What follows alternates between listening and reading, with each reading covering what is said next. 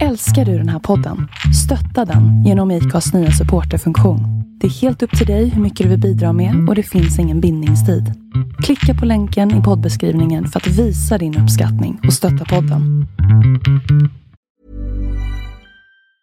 Hey, I'm Ryan Reynolds. Recently, I asked Mint Mobile's legal team if big wireless companies are allowed to raise prices due to inflation. They said yes. And then when I asked if raising prices technically violates those onerous two year contracts, they said, What the f are you talking about, you insane Hollywood ass? F- So to recap, we're cutting the price of Mint Unlimited from $30 a month to just $15 a month. Give it a try at mintmobile.com slash switch. $45 upfront for three months plus taxes and fees. Promo rate for new customers for limited time. Unlimited more than 40 gigabytes per month. Slows. Full terms at mintmobile.com.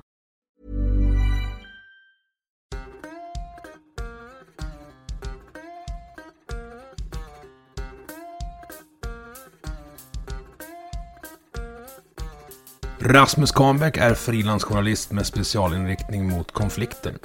Han ska precis släppa en bok om konflikten i Nagorno-Karabach, ett pågående krig i Azerbajdzjan bara 250 mil bort från Sveriges gräns. Rasmus har varit där flera gånger och idag är det en stundtals skrämmande berättelse som vi får lyssna på i avsnitt 88 av Vi måste prata. Nu är det så här att jag har fått besök hemma i köket och det är fan inte ofta jag får spela in podd live så jag är jätteglad att jag har en, en hårig herre från Göteborg Borg här. Välkommen till Vi måste prata. Eh, berätta vem du är och, och varför du är här på säga. Du är här för att jag ville att du skulle komma. Men Ja, ja men precis. Nej, men Rasmus Kahnbäck heter jag. Jag är frilansjournalist. Jag...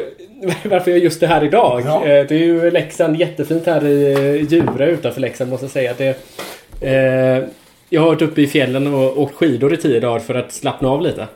Eh, om det, det är en rent praktisk anledning Mm. och du, du har anledning att behöva slappna av. Det, Det kan man säga. Ja. Eh, Men, eh, men framförallt är jag väl här för att eh, snacka lite om det mm, arbete som jag gör kring eh, konfliktjournalistik. ja. Eh, kring konflikten Nagorno-Karabach. Och vad det har inneburit eh, för mig personligen. Och vilke, vilken omställning man behöver göra i livet för att skriva om konflikter som inte är så kända. Nej, och Nagorno-Karabach det är ju, är ju ord som har... Alltså, jag kommer ihåg att jag hörde det när jag var ung. Alltså liten på första gången man kollade på Rapport 1930, något, något av minnena. Att det, där och Palestina är det bråk hela tiden. Var, var liksom in. Men, men vi backar tillbaka lite. Ja. Du är göteborgare, har ju folk redan hört. Ja, Eh, född någon gång på 90-talet. Hur hamnade du i journalistspåret överhuvudtaget? Nej men jag har ju alltid skrivit sen jag var barn. Eh, Ja. Och tänkte och jag var, jag, jag var ungdomsreporter på, eh, på Norra Hallands tidning och så vidare. Eh, utanför Göteborg. Söder om Göteborg. Och eh, men jag kom in i journalistiken egentligen en ganska lång väg. Jag är 32 ska jag säga, så det låter som om jag är den eh, värsta ungdomen. men, men, men jag, har, jag har jobbat eh, åtta år inom, eh, inom civilsamhället i Sverige. Rädda Barnen, Röda Korset. Ehm, och innan dess så studerade jag socialantropologi, så jag är inte utbildad journalist ska sägas. Socialantropologi, för den som inte känner till det, det är läran om människor i kulturella sammanhang. Ja, vilken proffs det är som tar, tar, tar följdfrågan direkt. Helt enkelt. Innan han ställer den. Ja, men precis. Och, och det, det innebär egentligen, alltså om man kollar på ehm, om vi kollar på, kollar på människan så brukar vi kolla på det utifrån det nationalekonomiska systemet. Vi kollar på sociologiskt, vi kollar på statistik Mm. Psykologin och, och- all, allt vad nu är. Så att, så att vi antropologer, vi, vi, vi bemöter från ett helt annat perspektiv. Det använder ett akademiskt begrepp, kvalitativt perspek- perspektiv. Mm. Ehm, och istället för att ställa hypotesen först när vi går ut i fält och ska börja kolla på de här stora frågorna så ställer vi hypotesen sist. Mm, Okej. Vi Eh, forskar först och... Vi, får, ja. nej, vi samlar datan först och sen, Ja, okej. sen när vi kommer tillbaka efter vi har samlat datan så ställer vi oss frågan vad var det egentligen vi såg? Ja. Och det är också det här ingångsvärdet som jag haft lite i journalistiken. Så att från det att jag var social, att jag utbildade mig till socialantropolog i eh, Sverige och i Indien. Oj. Ska sägas. Ja. Eh, eh, Du får sluta slå i bordet för det blir inget bra i micken. Ja, förlåt. ja, från det att jag eh, eh, utbildade mig till socialantropolog så eh, har jag jobbat inom svensk civilsamhälle och egentligen skrivit mer och mer och, och bara blivit journalist till slutändan. Jag kände att det Men det finns något grundintresse för liksom människor då i, i det hela? Ja, men jag letar ju mycket efter, jag letar efter de historierna som inte blir berättade. Kan man säga. Mm. Och det Eh, ska gudarna veta, att det finns många sådana som är... Eh, nästan överallt kan man lyfta på en sten och hitta något spännande. Alltså det finns... Så är. De flesta människor är skitfräna.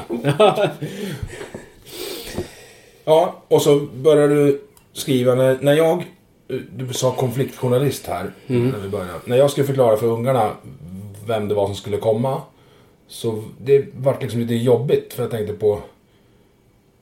Du, är, du är ju där det är som sämst. När du har varit i, i liksom mindre Asien, och vad vi ska kalla det, alltså Nagorno-Karabach och så. Hur, hur... Vad gör det med en? Och varför vill du det? alltså det Nej, men det är ju... eh, Någonstans... Jag kan väl... Nu, nu när vi har kriget i Ukraina, eller det har ju egentligen pågått sedan 2014, men den stora invasionen som började den 24 februari. Eh, sedan dess har jag, skri- har jag fortsatt att skriva Nagorno-Karabach snarare än Ukraina, även om jag varit i Ukraina också. Eh, men... Och där... När jag kommer tillbaka, skrivit mina reportage, sålt i tidningar så döper i princip alla redaktörer eh, mina reportage till exakt samma sak. I skuggan av Ukraina. Punkt, punkt, punkt. Eh, och och någonstans, så att det, när man är på en plats där det är konflikt så möter man ju människor som ofta har ganska djupa trauman och så vidare. Ehm, och man, människor kan vara mitt uppe i kriget, människor kan vara, ha genomgått kriget på olika sätt och vis. Och man, man, man försöker ju förstå människors... Man, man försöker sätta sig in i deras situation i väldigt många olika människors situation. Och man behöver vara ganska ödmjuk inför det som man kan möta också. Så att vad, vad det gör med, med mig någonstans blir det en... Eh, jag, jag skriver min bok som kommer ut snart. Den första februari kommer ut. Varje dag rör jag långsamt. Då skriver jag att... Att...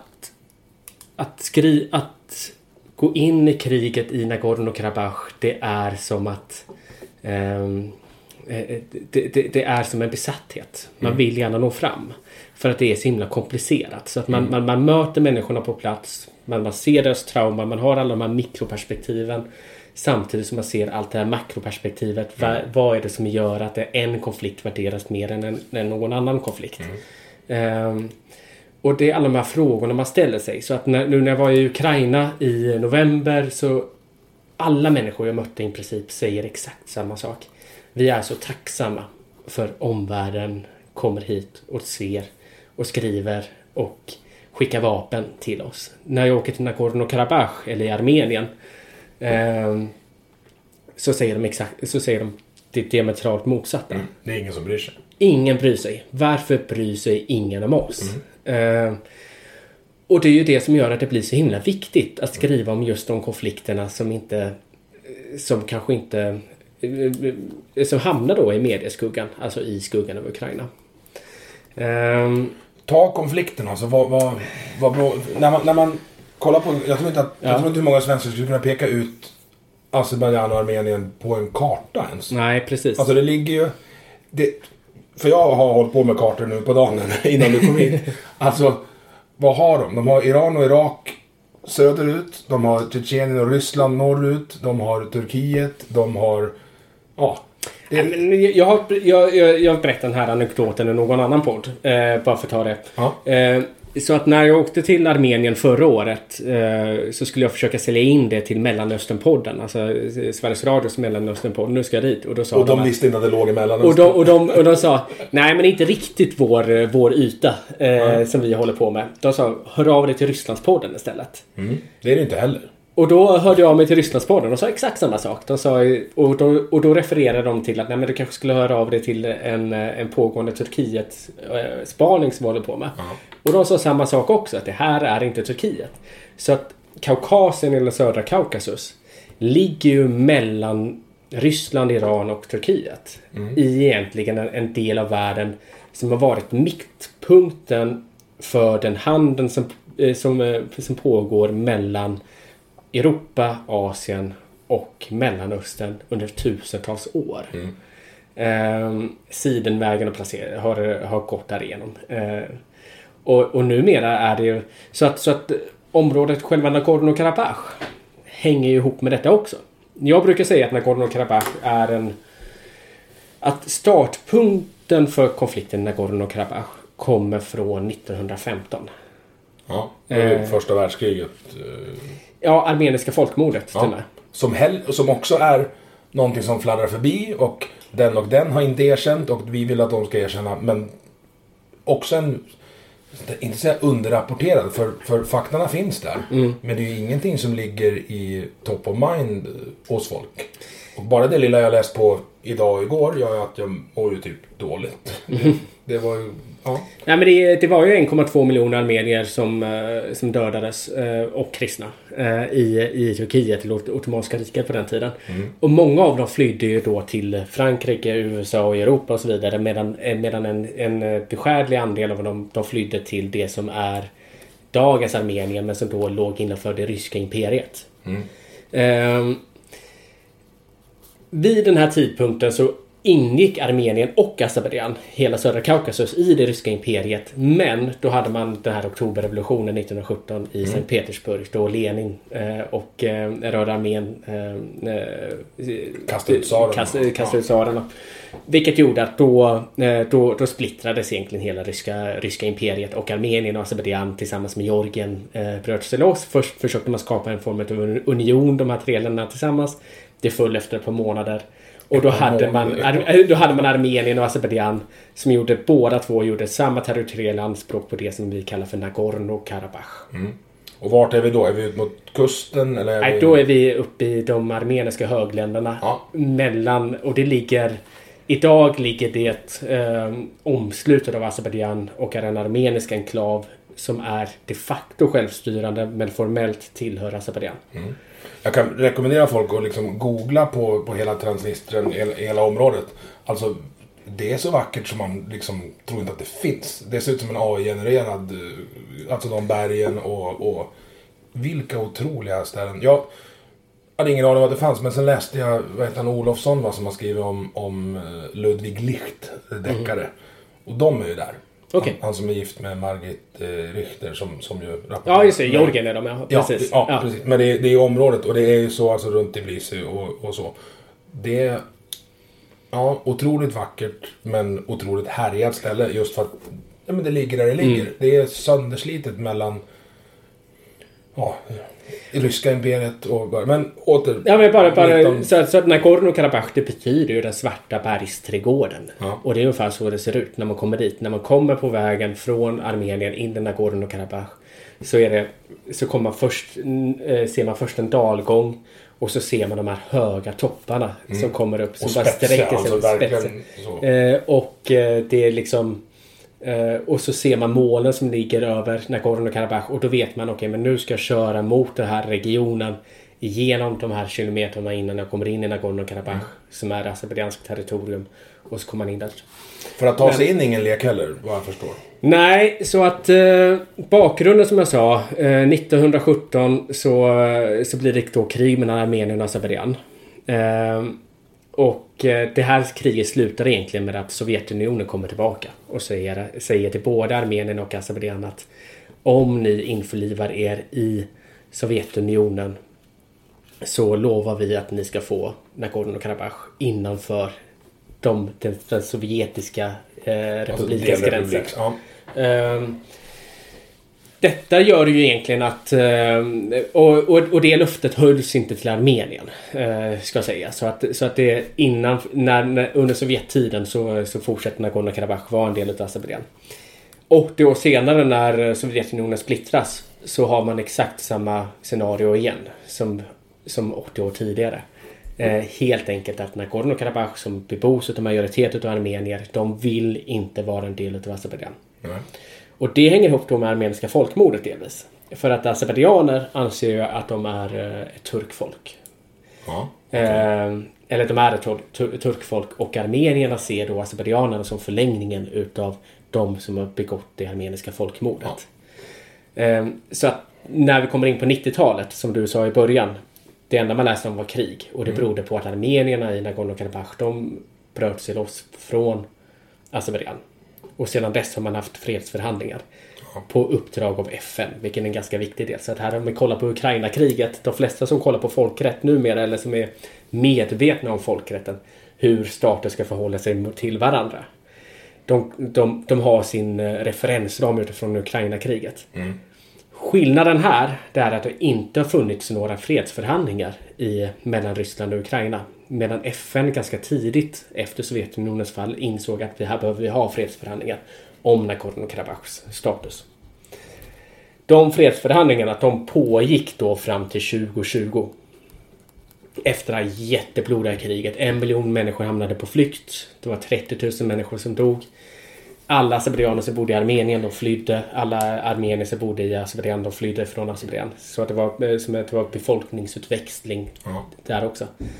Så att 2020 när kriget började hösten 2020 då var det egentligen Azerbajdzjan som invaderade Nagorno-Karabach för att lösa konflikten med militära medel istället för de här fredsförhandlingarna. Lösa konflikter med militära medel ja. och det, Det brukar och så gå sådär.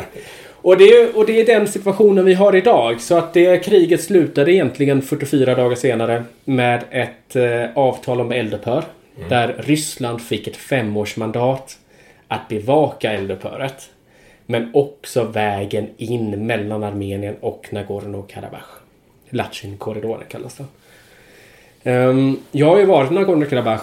Personligen har jag varit där fyra gånger. Första gången 2016. Eh, sedan 2017, 2019. Och senast i mars 2021. Och då var jag den sista utländska journalisten någonsin som har beviljats tillstånd för att komma in i Nagorno-Karabach. ja. Så de vill inte ha rapportering heller då? Nej, men alltså det, det, det ligger liksom i sakens natur någonstans. Azerbajdzjan anser ju att Nagorno-Karabach tillhör dem. De anser att med kriget 2020 de har löst konflikten. Det har man bevisligen inte. Och ryssarna då har mandat, eh, är de som bevakar vägen mellan Armenien och Nagorno- Nagorno-Karabach. Ryssarna vill inte ha bevakning in i Nagorno-Karabach. Delvis för att de vill blidka Azerbajdzjan. För att genom att släppa in massa utländska journalister så erkänner de att Azerbajdzjan inte har kontroll över sina gränser. Ehm, för det är fem kilometer mellan Nagorno-Karabach och Armenien.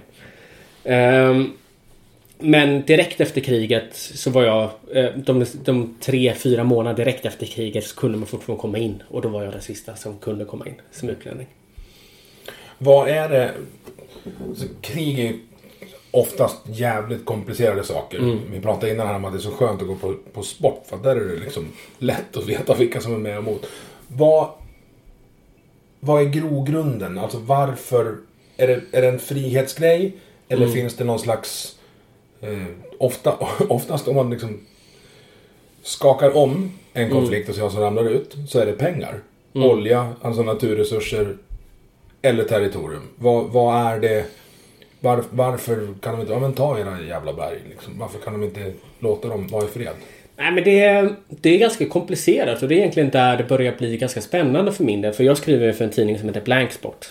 Som drivs av Martin Schibbye, alltså han som satt i fängelse i Etiopien. Eh, så jag är en del av den Blanksport-redaktionen. Eh, och eh, Fördelen med att skriva för Blanksport är att vi kan skriva om, om sådana saker som ingen annan egentligen skriver så mycket om. Och vi kan skriva ganska mycket om det. För vi har inget vinstintresse. Och vi tjänar inga pengar på journalistik heller för den delen ska jag säga, genom Blanksport. Så att jag har ju ägnat de senaste två åren åt att bevaka den här konflikten. Men vad jag också har gjort, vilket är ganska unikt, är att jag har sett hur hur kan man koppla konflikten till ett mycket större perspektiv? Och då har jag skrivit otroligt mycket om det som kallas för den asperianska kaviardiplomatin.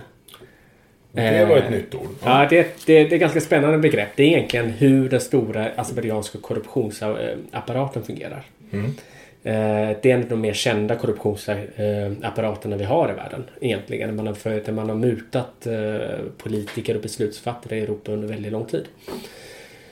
Så att eh, när du frågar, okej men vad är det egentligen som ligger, vilka, vilka byggstenar har vi i den här konflikten? Okay, vi, det, det ena är att vi har det här mer ideologiska. Vi ser att eh, armenierna ser Nagorno-Karabach som deras historiska land så att säga. Eh, sedan flera tusen år tillbaka. Genom att förlora det så ser man det som en, som en del av förlängningen av det armeniska folkmordet. Så att från den armeniska sidan är det ett existens eh, berättigande. De vill inte att det ska hända igen. Och de, De vill inte att det ska hända igen utan för dem handlar, det, för, för dem handlar det om existens. Ja. Eh, en existentiell fråga. För azerbajdzjanerna eh, så handlar det det här börjar bli komplicerat. För att eh, samtidigt ser vi att eh, Azerbajdzjan är en auktoritär regim. Ja. Det är en av de mest... eh, Det ligger i Europa, eh, formellt sett så ligger det i Europa. Ska sägas och inte i Asien. Ehm, Det är eh, en regim där man såg att eh, det som hände i Belarus 2021 med de här enorma demonstrationerna, det hände tio år tidigare i Azerbajdzjan. De flesta känner till Azerbajdzjan för att Loreen vann i Aze- Azerbajdzjan under Eurovision. Samma år som hon vann så hade de enorma stora eh, en, en, en nedbrytning av civilsamhället. Ehm, Makten i Azerbajdzjan eh, leds av Ilham Aliyev, en diktator. Han ärvde makten efter sin pappa Heydar Aliyev. Aldrig ett bra tecken. Eh, aldrig ett bra tecken. 2013 så vann, eh, så, eh, så vann han presidentvalet innan, det, innan presidentvalet ens var avgjort. Ja, med Så- så man- 99% så, så, så, så utav misstag så läckte man, eh, man, man röstresultatet innan röstningen ens hade, på, hade påbörjats. Eh, så att det är en auktoritär regim och i det här det finns inte så mycket resurser i Nagorno-Karabach. Det ligger inte... Alltså själva området Nagorno-Karabach det, det är inte utan någon större geopolitisk vikt egentligen. Ja, det ser inte ut som världens bördigaste jordbruksland här. Alltså det är... Det är berget och jävligt. Det, det är berget är det. Ja. Eh, det som finns är delvis då att vi har Ilham Aliyev har använt den här konflikten istället för att jobba som man gjorde under eh, när, man, eh, när man avbröt eh, apartheidregimen i Sydafrika i början av 90-talet där man började jobba med, okej, med en återförening och reconciliation policy som man kallar det där. Eh, så har man använt konflikten för att kunna stärka makten. Man använder det som en extern fiende. Eh, Armenien har varit den externa fienden och det har funnits ett ganska stort hämndbegär som man har spett på i Azerbajdzjan. Och det, det är inte bara jag som säger det utan även i Europa, Europaparlamentet tog en resolution förra året där man, eh, där man fördömde Azerbajdzjan för att ha en eh, aktiv armenofobi och en eh, hatisk retorik som skulle kunna leda till instabilitet. Ehm, så att det är den ena biten. Uh, Ilham Aliyevs egen, egen makt. Den andra biten handlar, eh, handlar eh, det är också ideologisk. För om vi kollar på den turkiskspråkiga världen. Vi har till väster om Armenien ligger Turkiet. Till öster om Azerbajdzjan ligger Kaspiska havet. På andra sidan Kaspiska havet ligger Centralasien. Där man också pratar turkiska, turkiska språk, Kazakstan och så vidare. Ehm, på kartan, det är ganska armeniskt narrativ brukar jag säga, men, men det också ligger mycket sanning. Så den enda lilla biten som inte gör att den, är, att den turkiskspråkiga världen enas, det är Armenien och Nagorno-Karabach. Så att genom att ta över Nagorno-Karabach, genom att ta över Armenien, vilket man hotar dem från i Azerbajdzjan, så, så kan man också ena den turkiskspråkiga världen. Eh, Så det är väldigt mycket geopolitik som ligger bakom, men också väldigt mycket ideologi. Vilket också gör att det blir en ganska... Det, det skiljer sig mycket från andra konflikter det, som ofta handlar om materiella resurser och så vidare. Ehm, och jag vet inte om det är till det bättre. Alltså det gör ju att det blir liksom en, en, en så himla laddad konflikt. Ja, och om man håller på... Alltså om konflikt blir normalstadiet. Det är ju ett jättesvårt tillstånd att, att bryta. För förmodligen är det, det är någon som tjänar pengar på att det är krig. Det är det alltid. Och som du säger, drivna av hämnd. Det blir ju en... Alltså en... Snacka om ond spiral. Alltså det, det, till slut kommer ingen komma ihåg vad man bråkar om. Utan bara att man bråkar och man, man hatar dem. Och de dödade dem så nu ska vi döda dem. Och, de, och det där... Ja, hur fan löser man en sån grej? Är... Nej, och det, det, det som vi har haft är ju, eh, och det är därför vi har krigets lagar. Vi har FNs säkerhetsråd, vi har, alltså det finns ju liksom ett, ett rigoröst system i världen där vi, där, som är till för att egentligen förhindra konflikt. Eh, på olika sätt och vis. Och Eh, Men det som är spännande, vilket jag också skriver i min bok, är att tilltron till krigets lagar och tilltron till, till folkrätten. Ju, ett, ju mer demokratiskt ett land är, desto större tilltro har man till det. Eh, och det gör ju också att det, det är delvis därför som Sverige har varit en, en medlande part i väldigt många konflikter i världen under, under väldigt lång tid. Nu kan, vi, nu kan vi förmodligen inte vara det längre. Ehm, med NATO och så vidare. Ehm, eh, men men ju mer, ju mer auktoritär en stat är och ju mer krig man har desto mindre tilltro har man till de här till folkrätten. Ehm, och det tycker jag också är ganska spännande perspektiv för det ser man ju på marken. Liksom. När, jag åker, när jag kom in i Nagorno-Karabach förra året, i mars 2021. Eh, det var ju en region i fullständig... Ja, allt var upp och nervänt från tidigare år när jag varit där.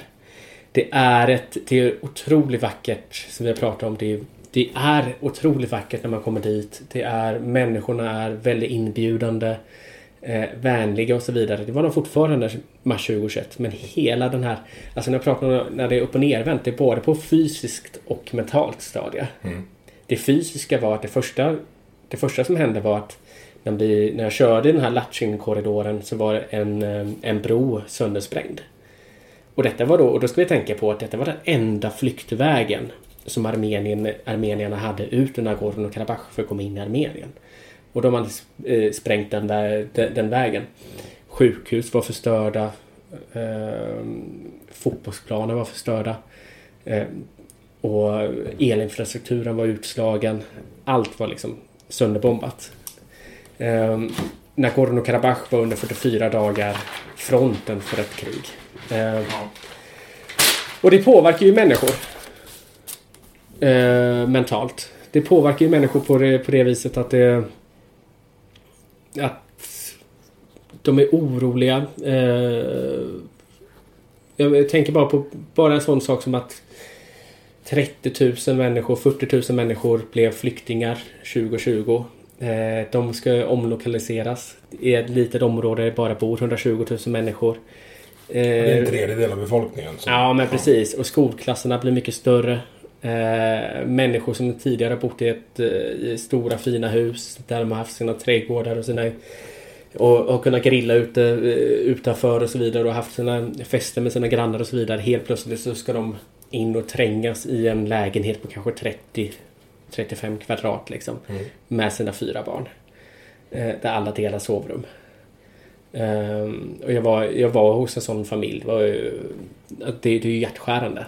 Eh, men det värsta är, eller inte det värsta, men bland det värsta, det är i de här konflikterna där man eh, som det inte skrivs om så glömmer ju omvärlden ganska snabbt eh, de trauman som uppstår. Så att den här familjen som jag besökte som hade eh, de berättade att deras eh, svärfar, har jag för mig det var, eh, hade eh, när kriget höll på att avslutas och man hade inlett det här eldupphöret så skulle han iväg till sitt hus som låg på fel sida utav skottlinjen så att säga för att hämta, eh, hämta några saker. Han kom inte tillbaka. Utan han kom tillbaka utan ett huvud ett par veckor senare. Och det är ingen som har skrivit om det i princip. Så att det, jag menar det är liksom den här typen av trauman får man ju stöta in i. Nu har jag pratat jättemycket. Nej men det, är ju- får- det är så intressant. Jag, jag, Det- det är, mig hör folk ändå. Nej men jag, jag, det är mycket. Jag pratar med, har ju kompisar som kom hit under, jag måste säga, efter Jugoslavienkriget. Ja. Som berättar just om det här att på dagen så börjar grannar hata varandra. Mm. Du säger att han, han pappa eller svärfars hus låg på fel sida. Mm. Alltså. Det, det finns ju något i, som det ska bli filosofiskt eller om det blir socialantropologiskt nu. Men det, alltså, det finns ju en kapacitet för konflikt i människor. Mm. Som alltså ligger latent där under, under ytan. Mm. Och den är närmare än vad, än vad folk fattar. Eh, Det finns en teori om att nio mål mat. Mm. Pausar du bort nio mål mat, då har du upplopp. Alltså tre dagar utan käk. Mm. Ungarna börjar gråta. Då börjar du liksom fundera på att gå in till grannen och kolla vad han har i frysen. Och står han i vägen för att skydda sig själv. Och ja. Men jag vet inte, vad, vad, gör, vad gör det med din tro på mänskligheten när du, när du hamnar på... Nej, men det finns ju... eh, Det jag tänker att det tar fram både det bästa och det sämsta. Du pratar Ja. om att de är vän, vänliga och så, men de hugger ju bevisligen huvudet av varandra också. Ja, men precis. Så att eh, det är... Det är väl just de, det det här... är inget de- dom bara för att det är utomlands. Alltså det är vi människor jag pratar Ja, om. men precis. Nej, men det är ju... eh, Här måste man ju arbeta väldigt aktivt på, på något sätt. Men vi, om, vi, om vi bara kollar på den här mängden krigsbrott som, som begicks 2020 så var den... eh, Så det, det syns inte i Amnestys rapporter eller Human Rights Watch rapporter och så vidare. Men, men vi, vi journalister som ändå bevakar den här konflikten ganska aktivt. Vi ser ju att mängden krigsbrott eh, var ju väldigt, väldigt, väldigt många fler från den assyrianska sidan mot den armeniska sidan. Ja. Ehm, och jag, jag tror att det är, alltså i konflikt så är en nyckelfaktor till att minska den här typen av hemska krigsbrott. Det är just när man arbetar aktivt med, eh, med att undervisa kring krigets lagar Mm. och sådana saker. Ja, och att Eh. rapportera på ett sånt sätt så att folk inte tror att de kan komma undan med det. För det är också Precis. en, en stor aspekt i det hela. Att, Ja. ja, om detta, om vi berättar och alltid om, om förintelsen. Vi sa, vi sa att det ska inte få hända igen. Det händer igen hela jävla tiden. Överallt. Ja, ja men det gör ju det. Och vi, vi ser ju jättemånga konflikter där det händer Tigray och så vidare också. Så att det, så att det, det är ju eh, just för att jag har varit i Nagorno-Karabach. Det innebär ju inte att jag eh, vär, värderar Nagorno-Karabach-konflikten på ett annat sätt. Du skiter än- inte i Rwanda för att du har varit där. Liksom. Precis. precis. Eh, och, det, och, och, och det tror jag inte heller de flesta gör som åker till, Ukraina. Även om den upplevelsen eh, kan, kan vara som Du har ju närhetsprincipen också och, och att inte, inte förakta den, den kulturella delen också. Att de ser ut som oss ukrainare. De ser Mm. ut som, som svenskar och det blir lättare att relatera då. Det är, Nej, satt det är inte så jävla konstigt egentligen men det, det är lite kontroversiellt kanske. Men ja, jag vet inte. Nej, men det är ju... Alltså men delvis är en kunskapssak. Eh, För Kaukasus, även om det känns som det ligger väldigt långt borta, så ligger det ju i... eh, De facto ligger det i, den europeiska intresses, intressesfären. Ganska nära den europeiska intressesfären. Och mycket av det som händer i Kaukasien som ändå, som jag berättade om innan, att det är verkligen den geografiska nyckelpunkten mellan Europa och Asien och Mellanöstern på något vis. Att det... Eh, det, jag personligen, jag som läser så mycket om det och skriver så mycket om det. Jag begriper inte varför det inte får större medialt utrymme. Ehm, vi, vi ser att EU och Ryssland och Turkiet bråkar liksom om samma lilla plutt. Liksom.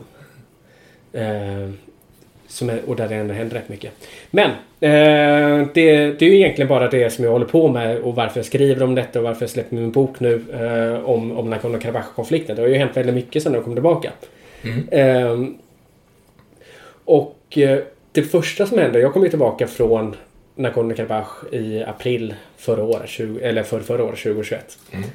Och började skriva artiklar. Det första jag gjorde var att skriva ett jättelångt reportage för tidningen Offside. Ehm, om, och, då, och då skrev jag om människor som har varit vid fronten i Nagorno-Karabach och kommer tillbaka och det första de gjorde var att starta upp den lokala fotbollsligan igen för att kunna spela fotboll. Och detta var, var en del av den rehabilitering som de soldaterna genomgick. Men, det, men i samband med detta så blev jag kontaktad av den assyrianska ambassadören. Ehm, och I Sverige. i Sverige. Ja. Och han sa tyst. Så med dem. Nej, det sa han inte. Utan han sa Rasmus, det är väl lika bra vi tar ett möte. För jag tycker att, det, vi, att du ska ha lite mer balanserad rapportering om den här konflikten. Det ville han inte att du skulle ha. Nej, han vill, men när han menar balanserad så Ja, vill han var- helt enkelt att jag ska skriva mycket mer om den assyrianska sidan. Eh, och eh, då, då erbjöd han mig en resa till, till Azerbajdzjan. Eh, i, eh, egentligen om det var så att jag undertecknade ett förlåtelsebrev. Jaha. Eh, och eh, förlåtelsebrevet skulle egentligen gå ut på att jag skulle erkänna Azerbajdzjans territori- territoriella integritet. För jag åkte in i Nagorno-Karabach då utan tillåtelse från Baku. Ja. Och de tycker att det stället finns egentligen inte. Utan det är en del av av Azerbajdzjan då, helt enkelt. Så att den, den naturliga vägen för att komma in i Nagorno-Karabach är ju genom Armenien. Eh, I alla fall de delarna. Och i samband med det, som jag hade den här dialogen med den azerbajdzjanska ambassadören, då blev jag då kontaktad av en eh, svensk-azerbajdzjansk förening. Sveriges kon- eh, kongress i Sverige heter den. Och de erbjöd i princip samma sak. Att eh, de ville att jag skulle åka med ett journalistteam till Nagorno-Karabach. Och när jag pratade med dem så kom det ganska snabbt fram att de betalar för rubbet. Som journalist så ska man inte ta emot pengar och man ska inte ta emot resor från en auktoritär regim. Det säger, det säger ju sig själv. Det, det, är, Det, det kan man tycka. det är ju folk som har åkt dit på det. Eh, och det skrev jag också om. Så att vad som hände var egentligen att jag tackade nej till, eh, eh, till att skriva under det här förlåtelsebrevet. Tre dagar senare så hör Azerbajdzjansk kongress i Sverige av sig till mig. De säger till mig resan är inställd på grund av Corona. Eh, Och det var den inte. För jag blev kontaktad av en journalist bara ett par veckor senare som sa att jag varit på en resa Rasmus. Jag tycker vi ska prata lite om det här. Det visar sig att den här journalisten har då en svensk journalist har då Åkte varit, på resan som Åkte på resan tillsammans med fem andra svenska journalister. De bodde på Hilton hotell. Var ut, drack eh, drinkar på takterrassen. De fick gå i VIP-kön vid, på flygplatsen. De fick allt betalt. Han visste ens inte vad valutan i Azerbajdzjan hette. Han hade inte behövt ta upp plånboken än. Nej, så att jag körde den eh, storyn. Eh, Kaviardiplomati. Det här är vad som kallas kaviardiplomati. Så att kaviardiplomati kommer från att ordet kaviar, en gåva. Som man ska mot, mot diplomati. Att man ska genomföra någonting. Så helt enkelt. Och det är ganska gammalt så här sovjetiskt begrepp. Ja, du blir en nyttig idiot helt enkelt. Precis. Med betoning på idiot. Och det visade sig efter den här resan som han eh, gjorde. Bara på dagar efter vi hade kört den storyn. Så var det en till resa med svenska journalister på plats. Denna gång var det med pub- Publicistklubbens Södras ordförande. Alltså hon i Skåne ordförande. Som var med på den resan. Och hon är då journalist. eh, Hon, hon studerar, eh, hon, hon undervisar då i journalistik vid en folkhögskola i Skåne. Tycker att... eh, ja, det är jättekonstigt. Alltså, ja, Ja. man tycker att hon borde ha omdöme nog och förstå vad det är som händer. Ja, eh, precis. Och det eh, förstod hon nog när hon kom hem. Det, sen blev det ett, eh, ett ganska stort rabalder kring hela den här grejen. Eh, och sedan dess, det var egentligen den öppningen som jag hade för att kunna börja skriva, att börja granska den azerbajdzjanska kaviardiplomatin. Eh, och jag skulle säga det är som en Pandoras ask. Det är helt bottenlöst alltså. När man väl börjar kolla på det här. Eh, och den, den kaviardiplomatin som vi ser eh, Syftet med den azerbajdzjanska kaviardiplomatin är egentligen två eller tre. Eh, det ena syftet är för Azerbajdzjan att ändra synen på Nagorno-Karabach-konflikten. Man, man vill förändra synen på Azerbajdzjan som en krigsmakt till att bli en fredsivrande handelspartner för Europa. Ja, de, de, vill vara, de gör sig själva till good guys, helt enkelt. Precis. Ja. Ehm, och det påminner ju ganska mycket så som Erdogan eh, försöker att exportera någon form av turkisk narrativ till Sverige. Eh, Man ser exakt samma sak från Azerbajdzjan förutom att, eh, att, eh, att eh, Turkiet framstår ju som någon form av demokratisk eh, eh, himmel om man jämför med Azerbajdzjan. Ehm, men ehm, men, så det är det ena syftet. Man vill förändra synen på Nagorno-Karabach. Det andra syftet är då att man vill öka handelsförbindelserna mellan eh, Europa och Azerbajdzjan. Och då ska det sägas att den presidenten vi har i Azerbajdzjan, Ilham Aliyev, han, han och hans familj tillsammans med staten äger ungefär 80% av hela landets ekonomi. Ja. Det, är något, det är något slags... Det, är ju, det blir som en monarki. Ja, absolut. Det är ju inte demokrati i alla fall, när du ärver. Ja, Ja, och det är liksom personkultsaktigt så allt kretsar liksom kring Ilham Aliyevs familj. alltså på Nordkorea-nivå. På Nordkorea-nivå. Eh, Du kommer ihåg Telia-skandalen kanske? Ja. 2012. I Uzbekistan pratar man ofta om den. Ja. Eh, eh, och... eh, Men samma fall, alltså de mutade, det kom fram att de hade mutat. Telia och Ericsson var det va, som var där och stökade. Ja, Telia var det framförallt. Ja. Eh, som hade mutat eh, eh, eh, diktat, eh, presidentdottern. Det är mysigt att se att skattepengarna gör någon nytta. Precis. Ja. Det som man inte skrev om i den skandalen lika mycket var att exakt samma sak hände i Azerbajdzjan. Och där var det egentligen eh, Ilham Aliyevs två döttrar som var motparterna då. Och det var faktiskt, och själva summan som man pratar om i Uzbekistan och Azerbajdzjan. Det var något större i Azerbajdzjan till och med. Vad pratar vi om för summa då? Alltså vad... Ja, vad var det? De, eh, jag kommer inte exakt ihåg summan men jag tror, jag för mig, det, det, det blev lite annorlunda. Det var två olika scenarier. Så det ena scenariet i Uzbekistan var att man, att man faktiskt genomförde regelrätta mutor direkt till eh, presidentens dotter. Och eh, i Azerbajdzjan så sålde man det, eh, eh det statliga telekombolaget Acercell för ett eh, jätteunderpris till Telia i utbyte mot tjänster och gentjänster och så vidare. Så att eh, i de regelrätta summorna, de blev ganska ojämförbara men det var mycket mer pengar inblandade i den delen i Azerbajdzjan. Ja, och det är, det är ett fattigt land så en, en miljon svenska kronor är ju, kan du ju köpa mer mat för där än här, antar jag. Ja, definitivt. Och det, men det där, det är inte heller en solklar binär grej. Alltså, ska man göra affärer i länder av den här typen? Ja eller nej? Säger man ja, ja men då är det ju det här som, som, som gäller, tyvärr.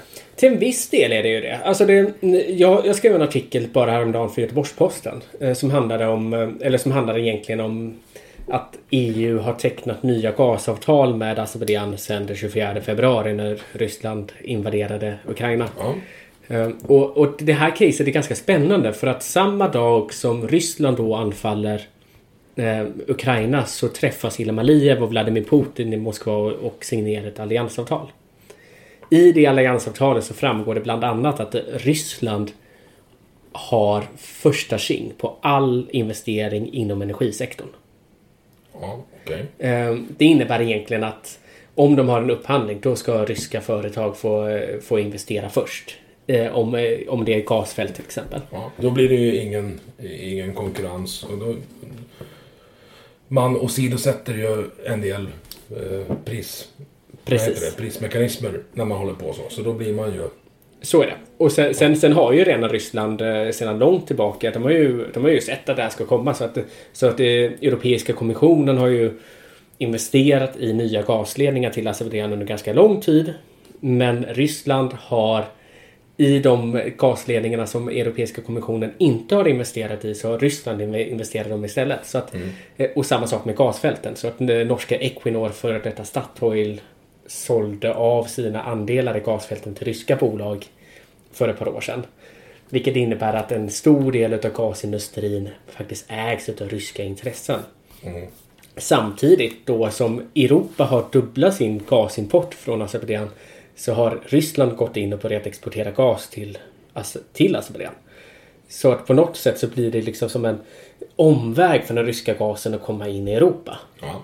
Och detta skriver jag och, och då får jag komma tillbaka. Okay, men ska man göra handel med sådana här, eh, såna här länder? Eller ska man utföra handel? Det är väl klart att man ska utföra handel med många av de här även lite diffusa staterna. Vi har ju Qatar som man gör eh, jättemycket handel med. Man kan inte, alltså vi lever ju liksom i ett globalt system och, det, och, och handel är också en, en, en ganska viktig faktor för att kunna trycka på för västerländska värderingar. Om man, hur, det, det tycker jag politiker ofta säger. Att eh, vi ska använda hand, genom handeln kan vi också eh, exportera våra värderingar. Och sedan i slutändan så tycker jag inte man hör Men så det mycket blir, om det det. blir ju inte så då. Jag kan tänka mig typ arbetsmiljön på de azerbajdzjanska gasfälten som du pratade om. Ja. Det är nog inte supertätt mellan skyddsombuden, Nej, antar jag. Nej men så, så är det. Och sen, sen, sen blir det också det, någonstans Azerbajdzjan sedan 2020, sedan kriget 2020, så har man ju faktiskt invaderat Armenien. Det gjorde man senast i september. Det gjorde man en och en halv månad efter man skrev de nya gasavtalen med Europa. Eh, och sedan här i, vin- här i vinter, just nu när vi sitter här och pratar, så, så pågår det ju en eh, blockad av den humanitära korridoren in Nagorno-Karabach sedan sju, åtta veckor tillbaka. De ska svälta ihjäl dem alltså. Precis.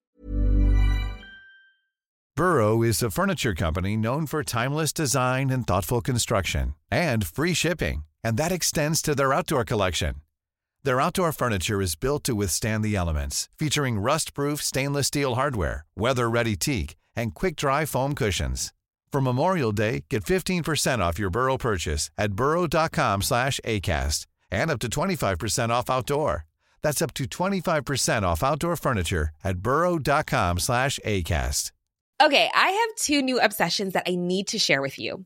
Impress No Glue Press On Manis and Impress Press On Falsies Lashes. Trust me, these are getting ready game changers. Both require no glue, so there is no damage to your natural nails and lashes, no mess, and no annoying dry times. Just one step and you're done. Boom. Instant glam. Visit impressbeauty.com slash presson and use code PRESSON25 at checkout for 25% off Impress Manicure and Press-On Falsies. Eh, och, det, och det har man paketerat genom att eh, placera massa, i, massa miljöaktivister då, kallar de det. Istället för att placera soldater som har placerat miljöaktivister. Nu har det visat sig... Beväpnade miljöaktivister och Precis, Ja. så att några av dem är, ja, men några av dem är soldater har man eh, kunnat bevisa. Um, och eh, man, man försöker verkligen driva de här narrativen. Och det, är- det är också spännande i konflikt. Men hur... ehm, vil, vilka maktmedel har man för att förändra synen på konflikt? Uh, I, i Nagorno-Karabach-konflikten, jag vet att förra året så hade man Förra, förra året så, så drev Armenien först ett eh, case till internationella domstolen i Haag. De som egentligen eh, rent juridiskt kan avgöra om, om ett land ska förändra ett beteende eh, och ett, ett dåligt beteende och så vidare. Eh, Och direkt efter så copy-pastade i princip Azerbajdzjan samma stämningsansökan fast mot Armenien. Och det var till och med så klumpigt skrivet att de inte ändrade på vissa, vissa texter och så vidare. Det var uppenbart. Ja, eh, det var uppenbart. Men, men då var det några analytiker som sa att nej men, det kanske inte är så att det är rätt väg att gå genom de, inte, genom internationella institutionerna. För det enda man gör är att man egentligen man använder de internationella institutionerna för att få ett övertag i fredsprocessen. Ehm, och om båda länderna gör detta hela tiden så kanske det bara är så att man gräver djupare och djupare och djupare osämja. Att man hela tiden eh, ska få omvärldens bekräftelse på det anklagelser med det andra landet. Det blir en sån här lawfare-grej att man... Precis. Eh, och det är det som händer nu när eh, Azerbajdzjan har använder det som kallas för Bernkonventionen för första gången någonsin. Det är en ganska ny konvention. Bernkonventionen är, i- är i princip man kan stämma ett annat land för, eh, för miljöförstörelse. Mm. Och det, man då, det försöker man då göra mot Armenien. Och det hänger ju då ihop med hela den här grejen när, när man har placerat ut miljöaktivister vid, eh, eh, vid blockaden till Nagorno-Karabach. Att man försöker ta det här ganska västerländska narrativet och, eh, och institutionalisera det. Nu säger jag jättemycket grejer så du får ursäkta att jag har pr- pratat på så himla jag mycket. fascinerad. Jag, jag tänker på det här. Det är ju inte, nu säger jag supertydligt igen, men det är så här. Hur, hur löser man sånt här då? Alltså det är inte... Det är inte jätteenkelt att man bara liksom går in. Ja, men ta Libyen till exempel. Mm. Det är inte, alltså, ja, men de fick bort Gaddafi. Vart det bättre? Ja, jag vet inte fan om, om det är bättre. Mm. Skulle det bli bättre om vi sätter en kula i Putin? Ja, det skulle vara skönt att vi skulle, skulle fira ett par dagar. Mm. Men vad, kom, vad kommer efteråt? Alltså, ja. Nej men det är, det är alltså vilka maktmedel har man från omvärlden för att kunna påverka så att Ja. säga. Alltså nå, någonstans, det, det är maktmedel som, och det var det jag också skulle säga att när vi kommer, kommer till handel. Det är ju ett maktmedel det också. Ja. Någonstans. Och här har det ju saknats en konsekvent linje från Europa. Mot Azerbajdzjan som ändå, Azerbajdzjan använder ju ändå Europa som sin, som är sin största handelspartner. Ett sätt att göra det på det är ju sanktioner. Det visar sig att sanktioner inte är så himla effektiva för ofta går det ut över lokalbefolkningen i de länderna. Alltid de längst ner på stegen som får, som får ta skiten. Precis, och så är det. Eh, Men, men, men, men framförallt är det väl så att man saknar en konsekvent linje. Om vi bara ska ta Azerbajdzjan som exempel.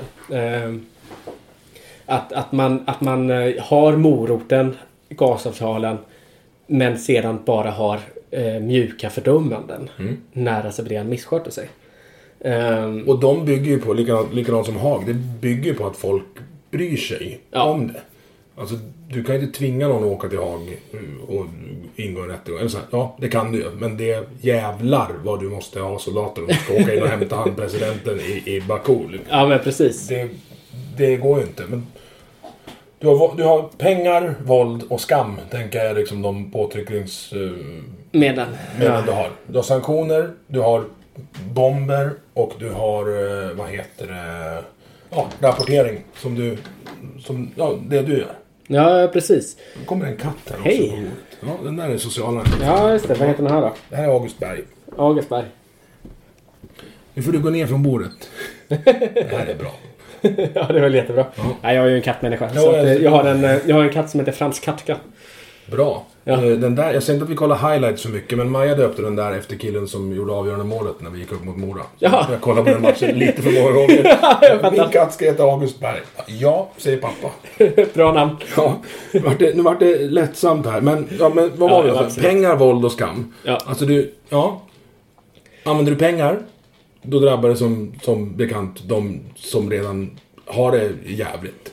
Kim Jong-Un kommer inte svälta ihjäl. Det finns inte en chans. Nej, nej, och, och nej. han, eh, vad heter han? Ilham Aliya. Han är nog rätt tjock han också, skulle jag kunna tänka mig. Ja. Eh, våld, ja, det drabbar också dem. Mm. Och man vet inte, ta Libyen, ta, ta Egypten, ta varenda, egentligen varenda jävla krig efter andra världskriget så vet vi inte om det har blivit bättre. Mm. Jag menar, vi har försökt bomba Afghanistan till fred i 15 år. Hur går det då, tycker ni? Eh, och sen, men sen har du skam. Mm. Och... Ja. Ja, men det funkar rätt bra. Alltså, alltså, det, det sista, skammen funkar ju hyfsat.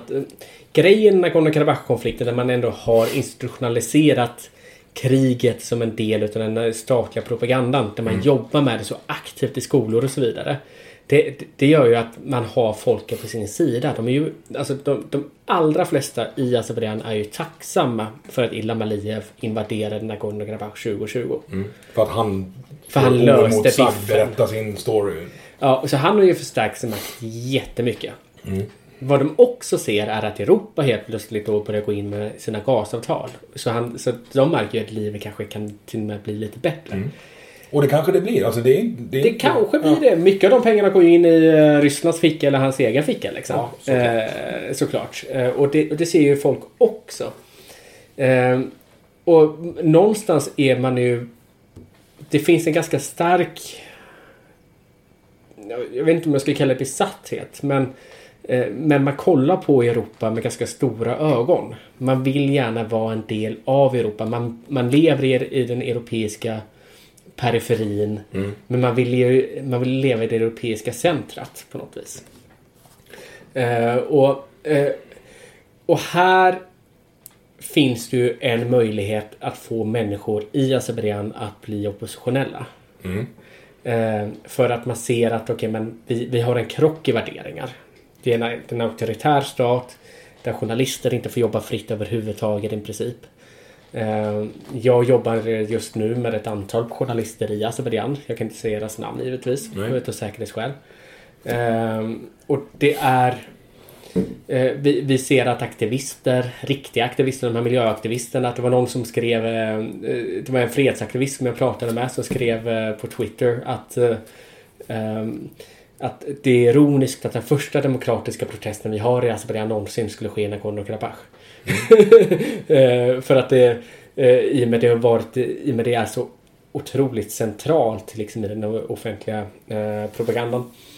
Ehm, men så att jag, jag tycker det är svårt det där med Problemet, ett stort problem lika mycket som i journalistik som i fredsförhandlingar är att när man sätter sig ner vid bordet så måste man lyssna till båda sidor. Och det är ju den kritiken vi ser i Ukraina-konflikten. Eh, Det var, det var en resolution förra veckan, eh, uppe, för, förra veckan uppe i EU om Ukraina-konflikten där de vänsterpartierna ville lägga in ett tillägg. Tillägget var vi vill lösa, vi vill att eh, uppmana parterna att sätta sig ner vid handelsbordet. För, och förhandla. Eh, om konflikten är diplomatisk vä- väg. Och någonstans så fort man säger så då erkänner man också att, en, att båda sidorna har en röst. Och, att, och, att, och, att, och att Ryssland skulle ha anfallit eh, Ukraina och, och man legitimerar till en viss del det anfallet också. Så det, det röstades ner det tillägget. Ehm, också två tudelat. Alltså hur fan ska man lösa det annars då? Jag tror inte vi kommer kunna... Vi då, säger jag. Ja. För jag tycker att jag är på, på rätt sida här i alla fall. Ja. Men vi kommer inte kunna bomba Ryssland ut ur Ukraina. Jag tror inte det, jag tror inte det kommer gå. Nej, jag vet inte. Alltså det, jag, är inte jag är inte expert på Ukraina-konflikten ska jag säga, även om, även om jag har varit där och rapporterat. Eh, men, men, men det är i alla fall de här sakerna vi, vi behöver ha med oss liksom när det kommer till freds... Eh, när det kommer till konfliktlösningsmekanismer som vi har. Eh, en annan konflikt, konfliktlösningsmekanism är ju just krig. Liksom. Mm. Att man, eh, man pressar den ena parten till att dra sig ur Ukraina. I detta fallet skulle Ukraina pressa, pressa Ryssland. Eh, Det, jag, ja, det Det- skulle vara en sån jävla prestigeförlust. Så jag, jag tror att han hellre Ja. dör än och han har målat in sig i ett hörn. Nej, jag vet inte. Så att det är... ehm, eh, det- Det är svårt. Och sen ska man inte jämföra konflikt med konflikt. Men det är mer en... eh, En, en, sån, där, de tre- en sån där... eh, Men, men, men, men så att i, i, i Nagorno-Karabach-konflikten så... Det ligger ju... Det ligger ju inte i Azerbajdzjans intresse heller att, att återgå till förhandlingsbordet. Nej. Ehm, Även om det de, finns... De är liksom den stora fisken i den här dammen. Så att de... Ja, Alltså styrkeförhållanden är, antar jag är Ja, ja, absolut. enormt absolut. diversifierade. Och däremellan står Ryssland och detta gör det också ännu mer spännande. Du vet, för att eh, jag har ju pratat, jag pratar ju en del ryska och eh, har ju rest mycket i Armenien och jag har ju pratat med ryska soldater och så vidare i Armenien. Eh, man måste förhålla sig till de ryska soldaterna när, när, när, när man är där. Och en... När jag var där förra året och detta är en sån här ganska socialantropologisk känsla som jag tog med mig. Eh, jag körde på en väg som leder från södra Armenien upp till, till norra Armenien. Det är den gamla vägen kallar man det numera. Anledningen till det är att delar av den vägen ligger inne i Azerbajdzjan. Okej. Okay. och eh, endast människor med tillstånd får köra på den här vägen. Jag lyckades få en sån tillstånd eh, för att köra på vägen. Och den, så att på vänstra sidan av vägen jag, jag, jag kan visa en bild sedan. Men den vänstra sidan av vägen så är armeniska soldater. På den högra sidan av vägen så står det en skylt Welcome to Azerbaijan. Och, och där är azerbajdzjanska soldater. Och mitt på vägen bevakas det av ryska trupper. Okej. Eh, så att inom loppet utav vad är det 10-15 meter så har man de här tre stycken eh, soldaterna som är där. Och det enda som får en att känna sig trygg på den vägen det är just att man ser en rysk gränssoldat passera. Vilket är en sån här jättemotsägelsefull känsla när man har hela Ukraina-kriget i, i bakgrunden. Eh, och det också ringar in hela komplexiteten i Nagorno-Karabach-konflikten. Sen visar det sig att eh, Ryssland inte har gjort någonting. När Azerbajdzjan faktiskt har anfallit Armenien så har de ryska soldaterna inte agerat. Så det är, väldigt, det är en väldigt falsk känsla. Jag tänker mycket, mycket på... Nu, ja, det är 20, 20 år sedan jag gjorde lumpen, men... Alltså soldaterna, vet de om varför de är där? Alltså vad, vad får de med sig för, för instruktioner? Vad är det för världsbild som förmedlas till dem på liksom roll call på morgonen? Och, och hur pratar de om varandra? Pratar de med varandra? Alltså står de... Har den här Christmas truce i andra världs... Eller var första världskriget, när de gick upp och spelade fotboll. Snackar de med varandra? För det, är- det är ju förmodligen samma typ av grabbar. Alltså... Eller det, det är det, nästan alltid. eh, nej men... Eh, att det, det, det skulle man kunna tänka sig. Däremot på den azerbajdzjanska sidan är det professionella soldater. På den armeniska sidan har man försökt på att skicka fram professionella soldater. Men det är värnpliktssoldater fortfarande så vitt jag vet. Ehm, eh, vilket gör en ganska stor skillnad. Men jag har en ganska fin historia från Nagorno-Karabach. När jag var i den här, i den här gränsbyn som jag berättade om innan som har blivit splittrats i två. Med den här familjen som då hade sitt jättefina hus där de inte ville bo kvar i den gränsbyn. Ehm, det, bron till den familjen är eh, bakom hans hus så börjar den azerbajdzjanska gränsen. Och han sa att han ibland går ut och ger cigaretter. Till azerbajdzjanska soldater. De kommer liksom eh, i alla fall vid den tidpunkten. Det tror jag inte händer nu men direkt efter kriget så var det så att eh, värnpliktiga azerbajdzjanska soldater hade slut på sig. De, behövde, de, de ville ha röka helt enkelt. Och det, alltså, det kan ju vara en Liksom. taktisk investering också. Att de Ja. liksom humaniserar sig själv och så. För det, det första som sker i en konflikt är att man slutar betrakta de andra som människor. Mm. Och när den bollen väl är i rullning. Så går det åt helvete. Så är det. Och det såg vi i september när Azerbajdzjan anföll Armenien. Den, under två, två, tre dagar. Den mängden grova krigsbrott som Azerbajdzjan begick mot Armenien. Det var häpnadsväckande. Eh, och det var fruktansvärda bilder som man fick se. Eh, på, på där de våldtog kvinnor och stympade dem och allt vad de nu gjorde. Liksom. Eh, så att avhumaniseringen och tyvärr görs ju väldigt lite för att arbeta mot avhumaniseringen. Framförallt i Azerbajdzjan. Och det, det, gör- du måste ju knåda en människa ganska rejält innan den kan begå de brotten. Ja. Och de... Det är svårt att få dem att bli människor igen. De, alltså de som har... På bägge sidorna.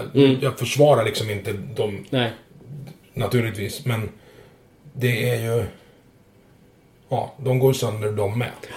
Och det ser man ju i Ukraina, Ukraina-kriget. Alltså alla de här människorna som jag har haft kontakt med länge. Fredsaktivister i Sverige, i Ukraina och i Ryssland. De ser ju en utveckling som har varit så otroligt negativ på hur ukrainare och ryssar ser på varandra. Eh, vilket är jätteledsamt att se. Eh, fruktansvärt. Men, eh, men jag tänkte också lite... Om vi kollar på min journalistik. Eh, Jag är ju eh, konfliktjournalist men jag är också granskande journalist utav Kaviardiplomatin. Och det gör ju att jag är en av de få journalisterna i världen som, på, som gör både och den här holistiska biten. Eh, Och det får ju sina konsekvenser. Ja, jag skulle komma på det. Du, alltså, man pratar om att eh, man pratar om Twitterdrev. Men det har ju du varit med om på riktigt. Liksom. De, de här uh, Margot Dietz och de här pajsarna. De vet inte vad Twitterdrev är. Nej. Berä, berätta vad... Nej men jag har ju släppt ett antal... eh, Jag, jag sa ju att min första granskning handlade om de här bjudresorna för journalister. Ja. Eh, vill du ha vatten? Nej, jag ska hämta en halstablett. Ja, du. Ehm. nej men min första, min första granskning av kaviardiplomatin var ju de här bjudresorna för de här tio svenska journalisterna. Det ska väl sägas att det har gjorts ungefär Ja vad är det? 400 sådana resor. Eller fy- 400 journalister har åkt på sådana resor till Azerbajdzjan. Namnger dem då? För det här är journalister som fortfarande är aktiva också. Ja, jag har namngivit dem och de får inte... Och Sveriges Radio har sagt att de inte får, eh, får eh, publi, publicera någonting från den konflikten. Nej. Eh, men... eh, Men deras trovärdighet, ja, var, har de mer varit då? Det finns ju resor som du inte vet om. Ja, nej men jag har... Eh, jo, precis. Det var en av dem som har varit i... Eh, undrar om det inte var Kongo på någon sån här bjudresa också. Eh, ganska märkligt. Men eh, sen har jag en lista på ungefär 200 journalister från hela världen. Som jag har namnen på så att säga. Som åkt till, till Azerbajdzjan på de här bjudresorna. Eh, som jag publicerar lite då och då för lite internationella medier. Men eh, framförallt det senaste jag har gjort är att eh, granska eh, Europaparlamentariker som, åker, som också åker på bjudresor. Men inte deklarerade. Eh, som, eh, som då har blivit vänner till Azerbajdzjan i Europaparlamentet och driver deras agenda. Och detta är ju en strategi man har hållit på med i många år. De har ju Men- bara en miljon per år i lön i Europaparlamentet. Så det, de, Ja, de behöver ju inte. De har inte råd, de har inte råd att åka själv någonstans. Nej, precis. Nej. Nej, men så att det är, eh, det är ganska cyniskt det hela och Azerbajdzjan har ju verkligen eh, institutionaliserat det. Nu använder jag ordet många gånger sedan. jag- Ja, men de, gör det- alltså, de har blivit proffs på det här. Det är Ja. helt uppenbart. Absolut, och de, är, de har en jättestor mekanism för det och så vidare. Eh, och det är alltid samma människor som är med på de här resorna från den azerbajdzjanska sidan och så vidare. Men eh, när det kommer till Twitterdreven då, så att det, om jag bara hade skrivit om konfliktjournalistiken och gjort det som en konfliktjournalist gör mest. Alltså man eh, lyssnar till båda sidor lika mycket. Eller, inte, eller det är inte konfliktjournalister utan det är journalister i allmänhet, allmänhet som kanske gör det. Eh, då hade det förmodligen inte blivit några brev mot mig. Utan det som verkligen sticker till. Det är just de här granskningarna utav kaviardiplomatin. För det är pinsamt. Ja, Det, alltså, det går ut över deras stolthet. det ska de fan ha. ja, men det tycker jag. Eh, Men då har ambassadören eh, en sak. eh, Det började egentligen med att ambassadören öppnade den här dörren genom att kalla mig för en köpt armenisk lobbyist. Ja. Och det kommer ju från... Kunde en- han bevisfästa Nej, det? nej, nej. nej det, det är klart jag inte kan. Jag har inte tagit emot en krona. Nej. Det, det enda jag har tagit emot från eh, Armenien. Det var en person som, eh, från, från en eh, armenisk lobbyist. Det var en person som insisterade på att jag skulle ha en halv flaska konjak. Mm. Och eh, jag kunde inte säga nej i det eh, sammanhanget. Eh, den har jag En hämtat. halv också. En halv flaska. Ja, ja men en halv. Alltså den Ja. vad var det, 375. En billig, billig, billig flaska. En kvart. Eh, en kvart. Ja, men, så, att, så det är det enda jag har tagit emot. Och det berodde på att jag inte kunde säga nej. Artighetsgrej. liksom. Ja, men precis. Det, det gick inte. Även om jag försökte ge tillbaka den. Men... ehm, eh, men, men det som hände var väl egentligen att alltså, Asperianska ambassadören öppnade dörren, kallade mig detta på Twitter. Sedan har han fortsatt och kanske skrivit en 50 stycken olika tweets om, om detta. Det som också hänt är att hela det här nätverket utav azerbajdzjanska organisationer i Skandinavien har hakat på det. Så att jag har ju fått eh, framförallt verbala påhopp där man har gjort karikatyrer av mig. Man har eh, gjort massa olika nidbilder. Man har eh, i Azerbajdzjan har det publicerats fyra stycken artiklar, karaktärsmord av mig i underrättelsetjänstens tidningar. Ja, har de egna? Ja, de har Ja, egna bra. tidningar, det är klart de har. Ja. Det är typ som DN fast eh, fast underrättelsetjänsten som driver sin egen tidning liksom. Jo, men så är det i diktaturer. Allting är ju en del av propagandan. Ja, men precis. Är, ja. Eh, och det, genom att publicera de artiklarna så har jag fått rep på mig från Azerbajdzjan. Jag har också fått det från hela azerbajdzjanska diasporan. Eh, människor som inte bor i, eh, i Azerbajdzjan. Eh, men som är azerbajdzjaner. I eh, USA. I, eh, I Sverige, i Skandinavien. Och slutligen har jag också fått motta ett antal hot. Eh, Är du rädd någon gång? Nej men jag är ju... Det gör ju att jag berättar väldigt lite om mig själv. Mm. Alltså rent offentligt. Jag säger ganska lite om mitt privatliv. Men de... jag- jag- jag- här, finns du på hitta.se? Eller vet, vet de var du bor? Ja men det vet de ju. Alltså någonstans... För det kommer de att ta reda på ändå. Som, som journalist är man ju offentlig trots Mm. allt. Och man måste ju liksom, man, man måste ha sitt telefonnummer, man, man måste ha sitt, eh, sitt AB, sitt aktiebolag på sin adress och sådana Mm. saker. Liksom. Eh, så det är inte så himla svårt. Så att det, det, det jag kan göra. Alltså här kunde jag valt två olika vägar. Antingen hade jag kunnat krypa till korset och vara tyst. Så Det, det känns inte som din grej. Nej, du menar att jag snackar mycket eller? Nej, men du, du, verkar, du verkar inte så rädd. Nej, nej men, men det andra är då att jag kunde gasa. Och det har jag gjort. Och det är också en, en del av det hela till att göra det till att bli jätteoffentlig kring de här trakasserierna som jag ändå får kalla det. Eh, bygger ju på eh, att det, att det är ett jätteeffektivt sätt att kunna berätta storyn om kriget i Nagorno-Karabach.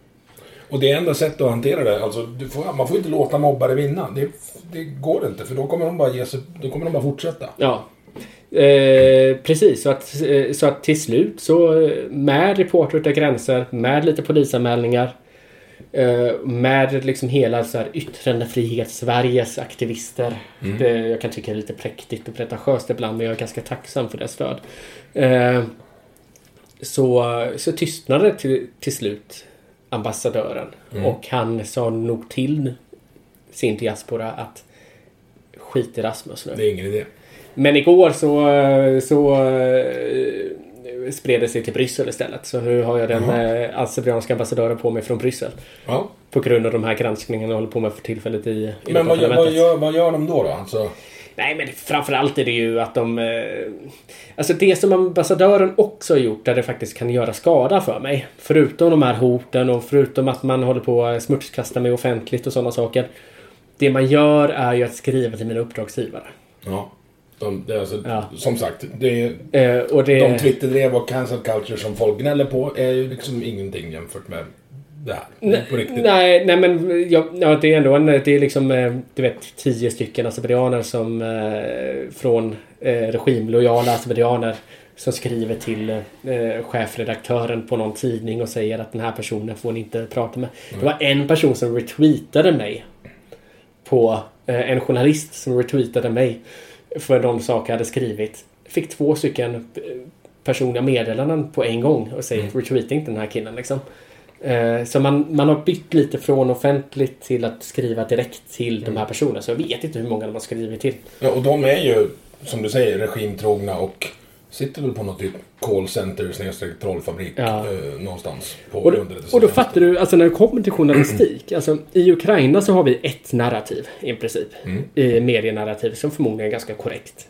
Att Ryssland eh, har invaderat och Ukraina eh, försvarar sig. Vilket, är helt, eh, vilket är helt korrekt. I Nagorno-Karabach-konflikten som har, där folk har så mycket mindre kunskap. Eh, så, så finns inte liksom det här tydliga narrativet. Nej, det blir lättare, det är lättare Eh, att lura folk som inte är på Ja. Ja. ja, men precis. Och det går ju ut över journalistiken. Också. Eh, där man går tillbaka istället för att göra jobbet ordentligt. Då låter man en regimrepresentant ja, representera hela folket liksom och så vidare. Ja, men så att det, är- det är lite sådär som jag... Jag har ju fått anpassa mitt liv på det viset att eh, inte kunna vara lika offentlig. Som jag... eh, Alltså med, med mitt privata liksom. Jag kan inte lägga upp eh, bilder med mina kompisar på eh, sociala medier och... För då kan de också bli... Ja. Ja, precis. Och inga barn va? Inga barn. Nej. Eh, inte än. För Eh, det blir också en, en påverkansgrej.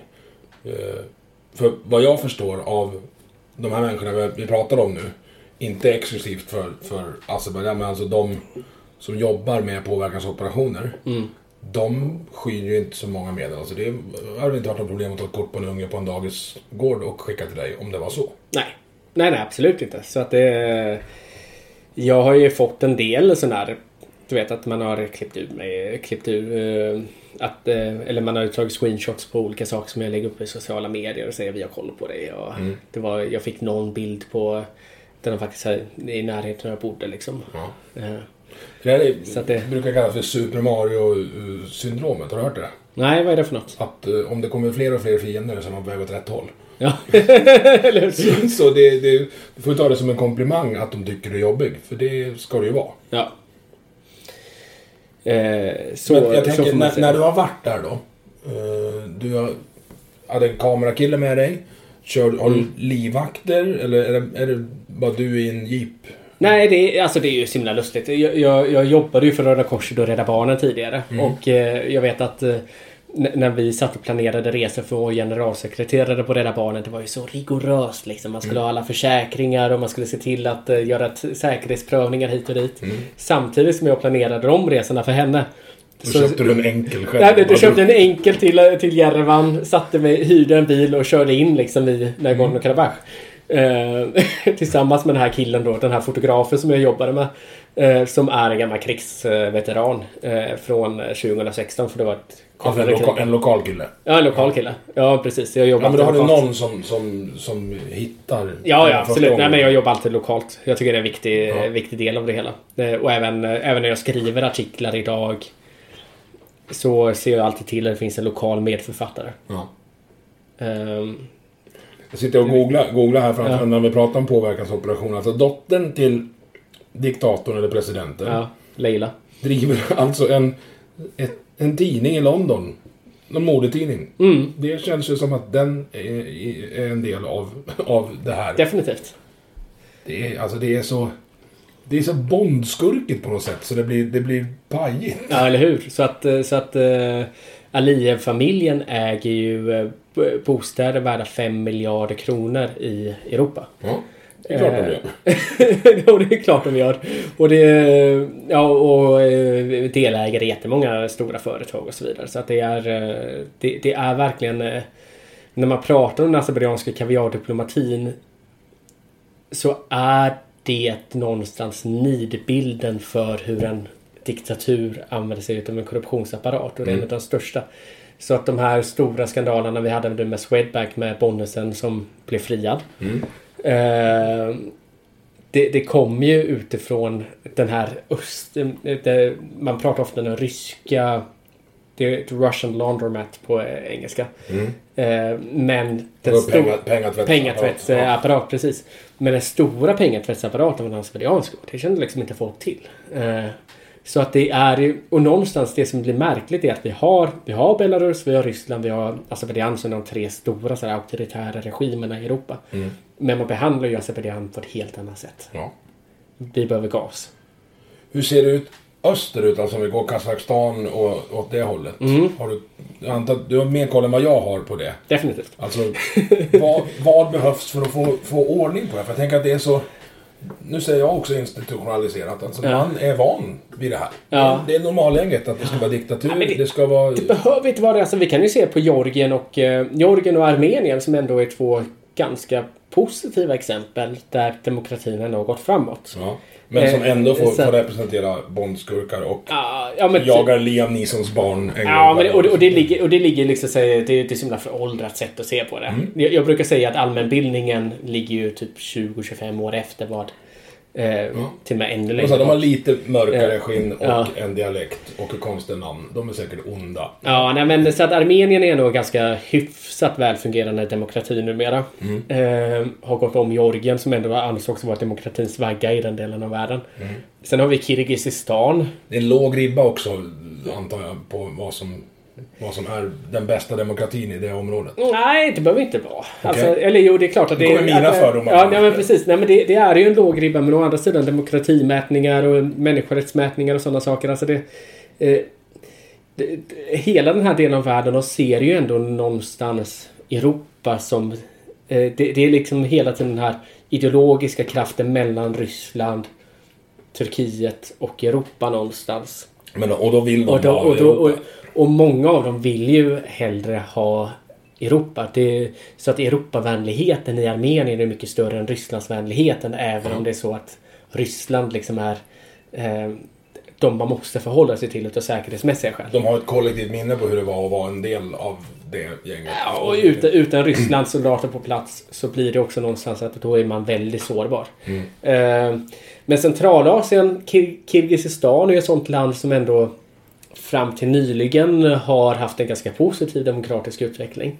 Eh, och eh, ansetts vara liksom där kan vi säga att det är en eh, att, att det är väldigt låg ribba för att kunna vara en anses vara en demokrati. Men alla de här kleptokratiska di- diktaturerna runt omkring de är ju de är inte roliga. De bygger på gamla Sovjetsystem i samband med att det finns stora naturtillgångar. Eh, vi har Tadzjikistan som anses vara liksom en av de värsta diktaturerna i världen som ligger där och så vidare.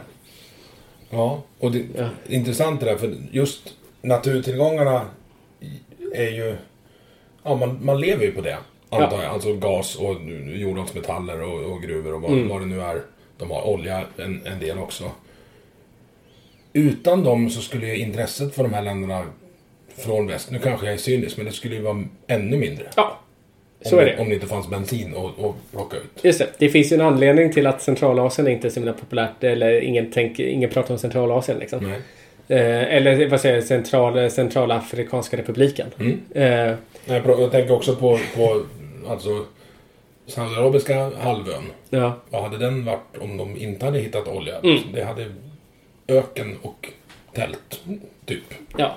Ja men det, det ligger ju absolut. och det- Där finns ju kanske en geopolitiskt läge med eh, hamnar och så vidare. Men, eh, men eh, med Centralasien. det- Jag såg en så himla rolig karta över På spåret.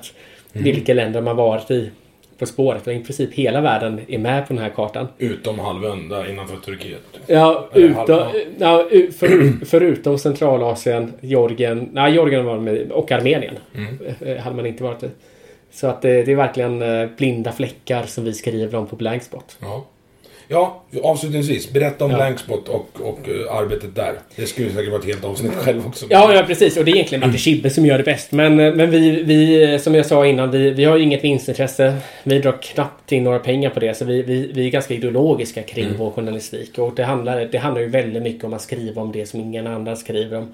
Och vi tror ju på att journalistik inte bara ska vara genom de stora dagsmedierna. Utan vi, vi, vi tänker att journalistik, alltså den bästa journalistiken kommer från när man får fördjupa sig i ämnen. Ehm, och det, det är egentligen det vi sysslar med. Och där får jag gräva hur mycket jag vill i den östeuropeiska kaviardiplomatin. Och det, Och det behövs, gör skillnad. ja, och det behövs ju för alltså det är... När, när man går på djupet som, som du kan göra skillnad också. Ja. Alltså jävla kvällstidnings-pushnotiser om någon influencer och, och någon fotbollsspelare som har en ny tjej. Det är liksom... Varför ska man låta det ta plats i ens medvetande egentligen? Det är McDonalds journalistik, tänker jag. Ja, men det... någonstans. Jag märker ju stor skillnad när jag skriver för en vanlig dagstidning. Jag är jättetacksam för att skriva för stora dagstidningar Mm. också. Eh, för att belysa de här ämnena. Men där vill man ju verkligen bara ha det mest basala. Mm. Man vill kunna förklara den Nagorno-Karabach-konflikten mellan de här två parterna. De krigar mot varandra, därför gör de det. Eh, ungefär. Medan Mm. Och det för blanksport... det är inte så enkelt. Nej, och sen för blanksport kan jag verkligen fördjupa mig i alla de här olika specialistämnena. Liksom. Mm.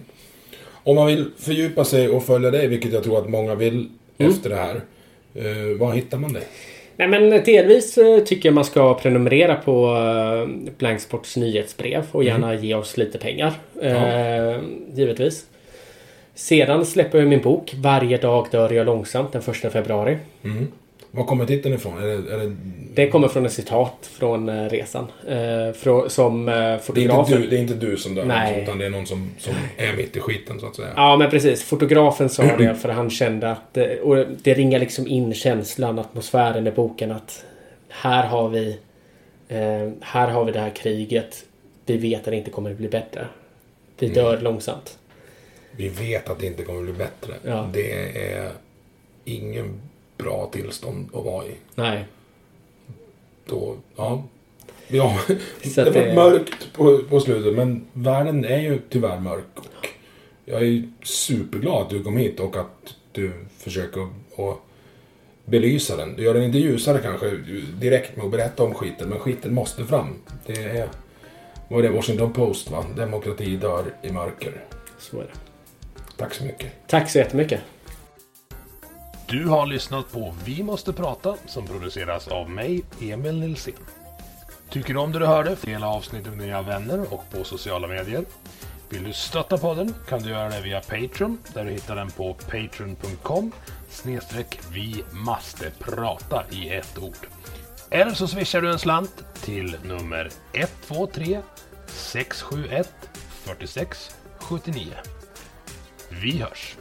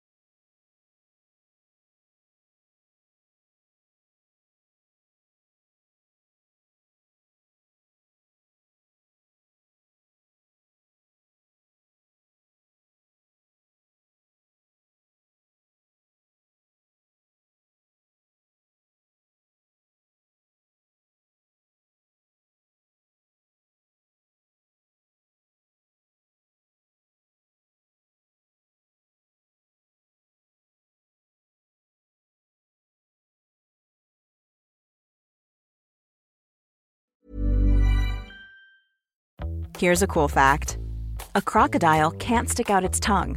Another cool fact you can get short term health insurance for a month or just under a year in some states. United Healthcare short term insurance plans are designed for people who are between jobs, coming off their parents' plan, or turning a side hustle into a full time gig. Underwritten by Golden Rule Insurance Company, they offer flexible, budget friendly coverage with access to a nationwide network of doctors and hospitals. Get more cool facts about United Healthcare short term plans at uh1.com.